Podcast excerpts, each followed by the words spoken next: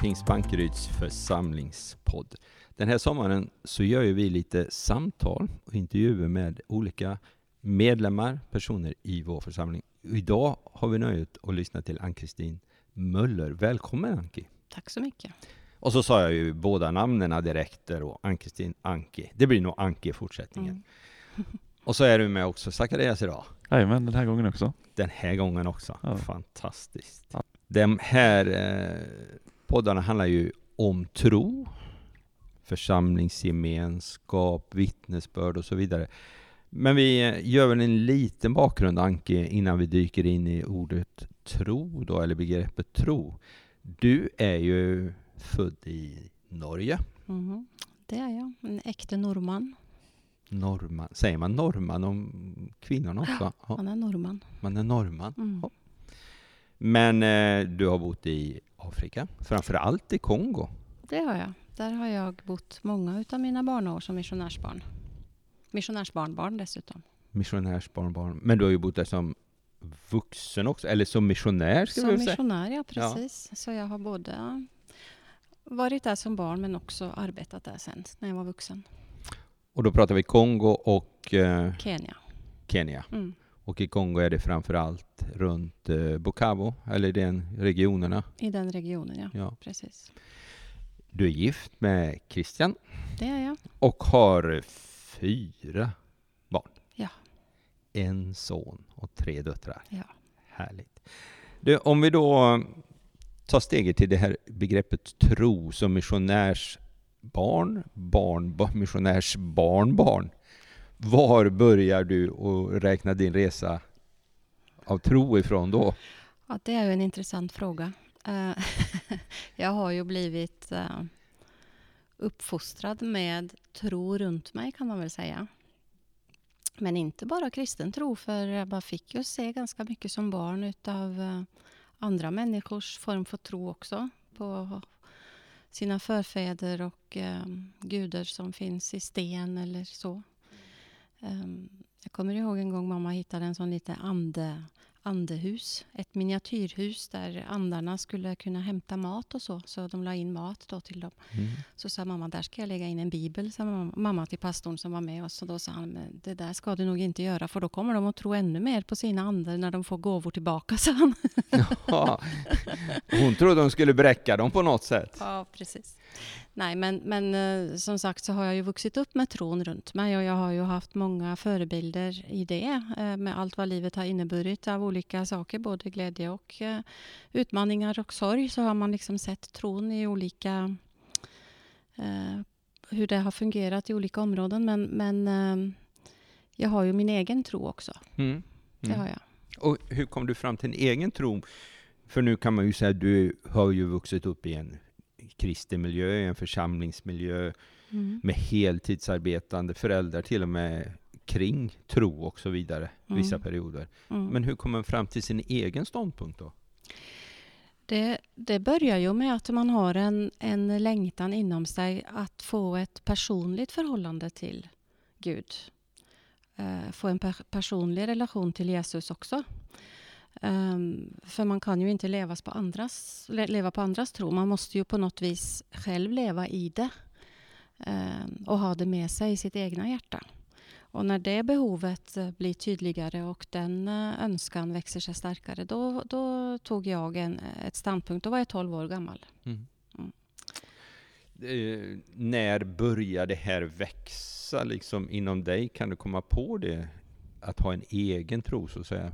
Mm. Det var nog eh, det var nog i den åldern där från tio års ålder ungefär.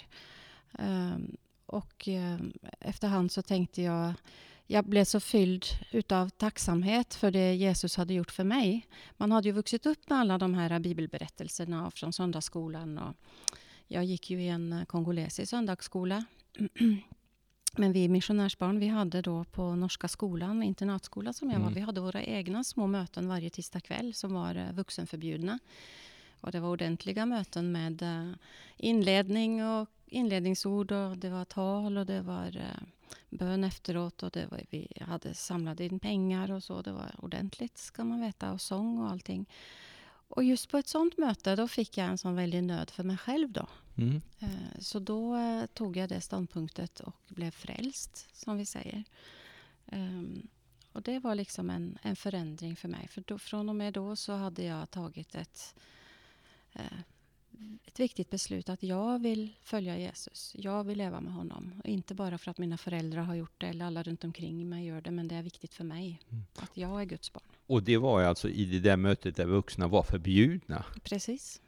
Ja, och jag var inte själv om att uppleva det i de mötena. Det var väldigt fina möten. Ibland stod de vuxna och spionerade på oss genom fönstret. Det gjorde de. Ja, Men de fick inte komma in. nej, nej, nej.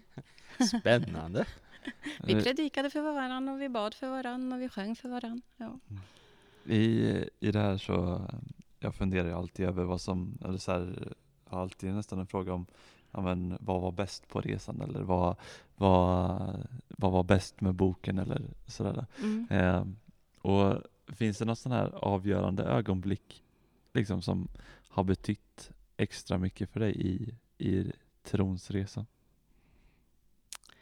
Oj, det är nästan svårt att, att säga för det har varit så många olika saker man har sett hela tiden. För det är klart, ibland så, så kan man ju drabbas utav tvivel. Det tror jag alla gör, för man tror ju på något man inte ser.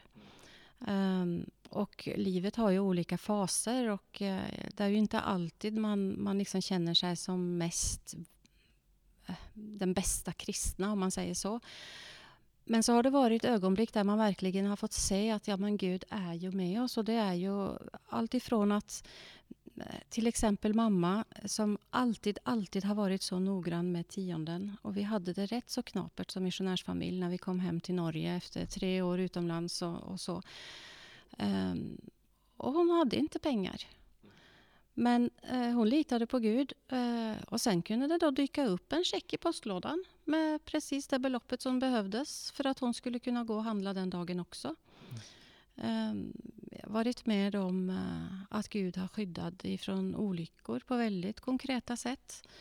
Eh, nu har vi fått varit med om, eh, som det allra senaste, att en av våra döttrar fick en cancerdiagnos och har varit igenom behandling det senaste halvåret och hur det har eh, påverkat vår familj på ett väldigt positivt sätt trots att det har varit väldigt tufft. Mm. Så kan vi ändå se i backspegeln och säga, se att Gud har varit med oss i detta. Så det finns många sådana händelser där man ser att Gud är med i vardagen när man tittar bakåt och det är med att stärka och det märk- märker en liksom i livet. Mm. Man kan inte ignorera det eller bortförklara det på något sätt. Jag, jag tänker på eh, en, en berättelse ur, ur ditt liv med en flygplanskrasch. Ja. Eh, och fanns det något ögonblick i, i hela den upplevelsen, eller så här, ta oss in i den upplevelsen och beskriv liksom resan där med eh, hur, hur tron pendlar där, eller Mm. gjorde den där, eller blev den bara starkare och starkare ju närmare man kom kraschen? Eller? Alltså den första känslan jag fick, alltså först så blev man ju väldigt chockad eh, i det man kraschade, men den första känslan jag fick som jag kan minnas väldigt tydligt, det var hur arg jag blev. På, på, men gud, varför gör du detta nu då? Det, det, på tok för tidigt att dö, jag har ju så mycket annat, så jag blev ganska arg på honom. Eh, för det var liksom aldrig någon tvekan om att han var med hela tiden. Det var aldrig så att eh, jag förebrådde honom, att det var liksom hans fel eller så. Men liksom, varför behövde detta ske nu? Men det har ju också varit en, en, en sak i livet som har varit med att stärka tron. Att man upplever sådana saker. ehm, och jag överlevde ju. Ska vi göra en, någon liten, bara kort Anki? Det är kanske många som inte har hört. Ja. Hur, var det ett stort plan? Var det ett litet Nej, plan? det var, var, det? det var ett sånt litet Cessna-flygplan. Jag skulle till Kongo när jag var, hur gammal kunde jag varit? 20 år eller någonting sånt och skulle ut en sommar för att hälsa på. Eh, och känna av lite för jag brottades ju då med ett missionskall som man säger att jag själv skulle åka ut som missionär efterhand och skulle ut en sommar. Och hade problem med att ta, komma dit. För första dagen eh, vi skulle ta oss från Nairobi och till Bukavu då som var destinationen med ett mindre flygplan så fick vi problem på vägen och fick vända tillbaks till Nairobi och sova en natt till. Och andra dagen när vi skulle åka var det ett ännu mindre flygplan med bara plats till fem passagerare. Eh, och då var det väldigt, väldigt dimmigt den morgonen. Och eh, rätt som det var, några minuter efter att vi hade lyft så eh, flög vi rakt in i en gång Hill som ligger precis utanför Nairobi. Så vi träffade backen med en riktig smäll, så flygplanet gick ju alldeles sönder. Eh, slet av vingarna och eh, bensintanken revs upp och, och, så. Men vi överlevde allihopa och piloten. Eh, och det var en speciell upplevelse mm. att vara med om det. Men tredje dagen, då lyckades vi komma fram. Skam den som ger sig. ja, precis. Ja.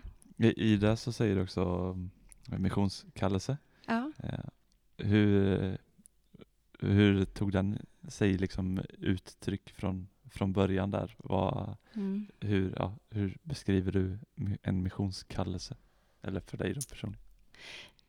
Ja, för mig så låg det ju en sån väldig hur ska man beskriva det? En väldig trang efter att jag skulle tjäna Gud i Kongo att fler skulle få lära känna honom och att jag skulle kunna ha uppgifter där. Um, sen så brottades ju jag med att jag hade vuxit upp där så det var för enkelt på något vis för mig. För jag hade fått den idén att det skulle vara ett väldigt stort offer att säga ja till Gud att göra någonting. Liksom.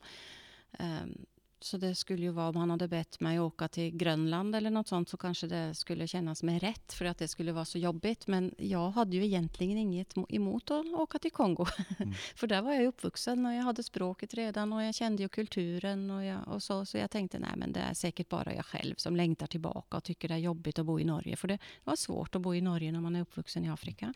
Mm. Um, men det var ju en process eh, och jag pratade med föreståndaren i församlingen och så. Och eh, det landade i mig att det var Gud som hade en uppgift för mig där. Mm. Eh, och jag fick liksom lugn och, och, fred i det. Så då åkte jag tillbaka när jag var färdigutbildad sköterska. Då, så åkte jag tillbaka mm. och arbetade där.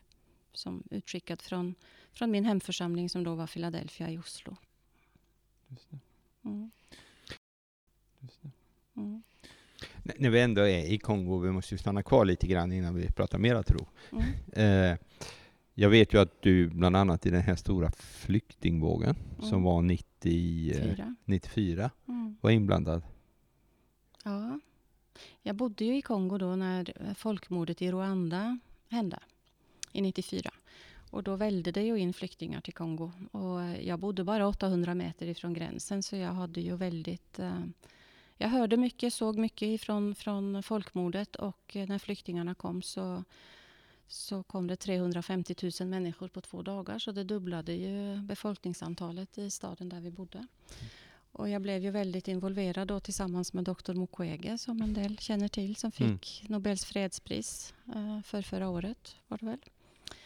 Um, med att försöka hitta sätt att, att uh, kunna hjälpa flyktingarna.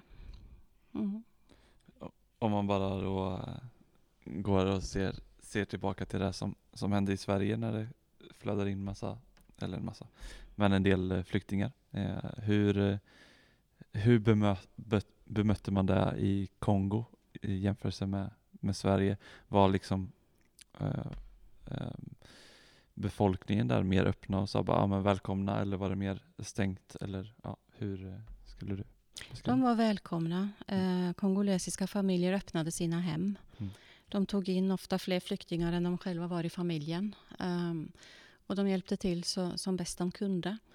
Sen efterhand så är det klart att när du får in så många människor, man kan ju tänka sig om, om Jönköpings befolkning skulle dubblas på två dagar, så blir det väldigt, eh, en väldig ansträngning på samhället och det påverkar också att alla priser stiger och så. Så efterhand så så blev det svårt att vara en vanlig kongoles för man såg att flyktingarna fick väldigt mycket stöd och hjälp. Eh, matutdelningar och sånt ifrån olika internationella hjälporganisationer. Men, men det, den hjälpen kom ju icke de kongolesiska människorna till godo. Mm. Eh, och då började det ju bli mer jobbigt för dem också eh, och svårt att förstå för de eh, hade ju tagit emot alla och, och, har ju låtit dem bli en del utav sitt samhälle. Men samtidigt som, som flyktingarna, flyktingarna kom så kom ju också den militsen som stod bakom folkmordet och gömde sig i skogarna och det har ju varit början till den oroligheten och de problem som man ser i Kongo idag. Så de har, får ju betala dyrt Mm. Mm. För sin gästfrihet. för sin gästfrihet. Ja. Du, Anke, om vi bara tänker tillbaka lite grann. Nu har vi gjort en lång resa här. Mm. Vi, vi börjar någonstans när du som 12-åring bestämde dig i det där förbjudna vuxenmötet Precis. fram till missionär och idag. Hur har din tro förändrats eller hur har den utvecklats? Hur kan du beskriva det under den här långa resan då? Mm. Den blir ju mer och mer och mer kan man säga en integrerad del av ens liv och ens person. Um, den är ingenting som man liksom har på söndag när man går till kyrkan. Då har jag tron och sen så är jag vanlig Svensson. Utan en vanlig Svensson kan jag ju inte bli för jag är norrman i och Ja. sig. Men Det Eh, nej, det går inte. Nej, men alltså den, det är ju en del av hela ens eh, existens och hela ens eh, person, det här med tron.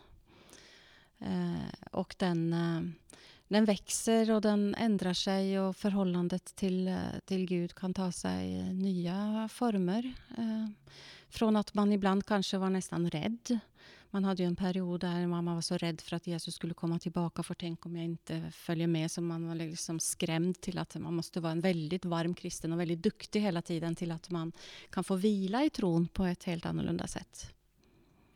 Tilltar det här alltså med att vila i tron, tryggheten i tron på något sätt, växer det? Ja, det tycker jag. Ja. Eh, Och att man med erfarenheten ser att Gud är med i allt. För det har ju...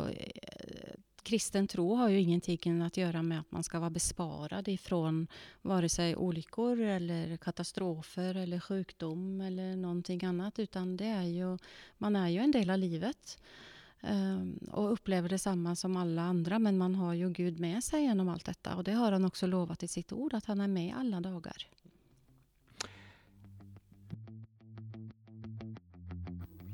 Under den här sommaren så skulle vi vilja utmana dig till att följa med oss under nio veckor där vi kommer att läsa ur Markus evangeliet och fördjupa oss i de texterna där. Och olika händelser som Jesus var med om och som han gjorde och som vi kan lära oss så mycket utav. Och några exempel på det här, vad är det Ja, men vi kommer att läsa om de goda nyheterna. Markus inleder ju sitt evangelium med här börjar evangelium om Jesus, alltså de goda nyheterna. Vi kommer att titta på bibeltexter som handlar om när Jesus botar människor och vi kommer att följa ordet tro lite grann också. Riktigt spännande. Varför ska man hänga med Zacke då? Jag tänker att man ska följa med för att fördjupa och ge sin tro liksom näring under den här sommaren och studera verkligen Guds ord och få applicera det på, på sitt eget liv när man kliver in i hösten 2020. Vi har någonting mer också under sommaren som vi skulle bara vilja pusha lite extra för. Vi kommer att ha sommargudstjänster på webben hela sommaren tillsammans med Missionskyrkan här i Bankeryd. Och eh, du får så, så gärna gå in och prenumerera på våran Youtube-kanal.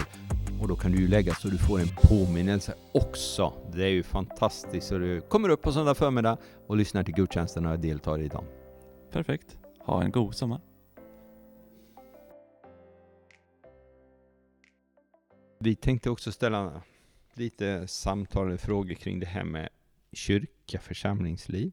Mm. Du, du har ju varit synnerligen engagerad i församling, anställd och utsänd genom församlingar och så vidare.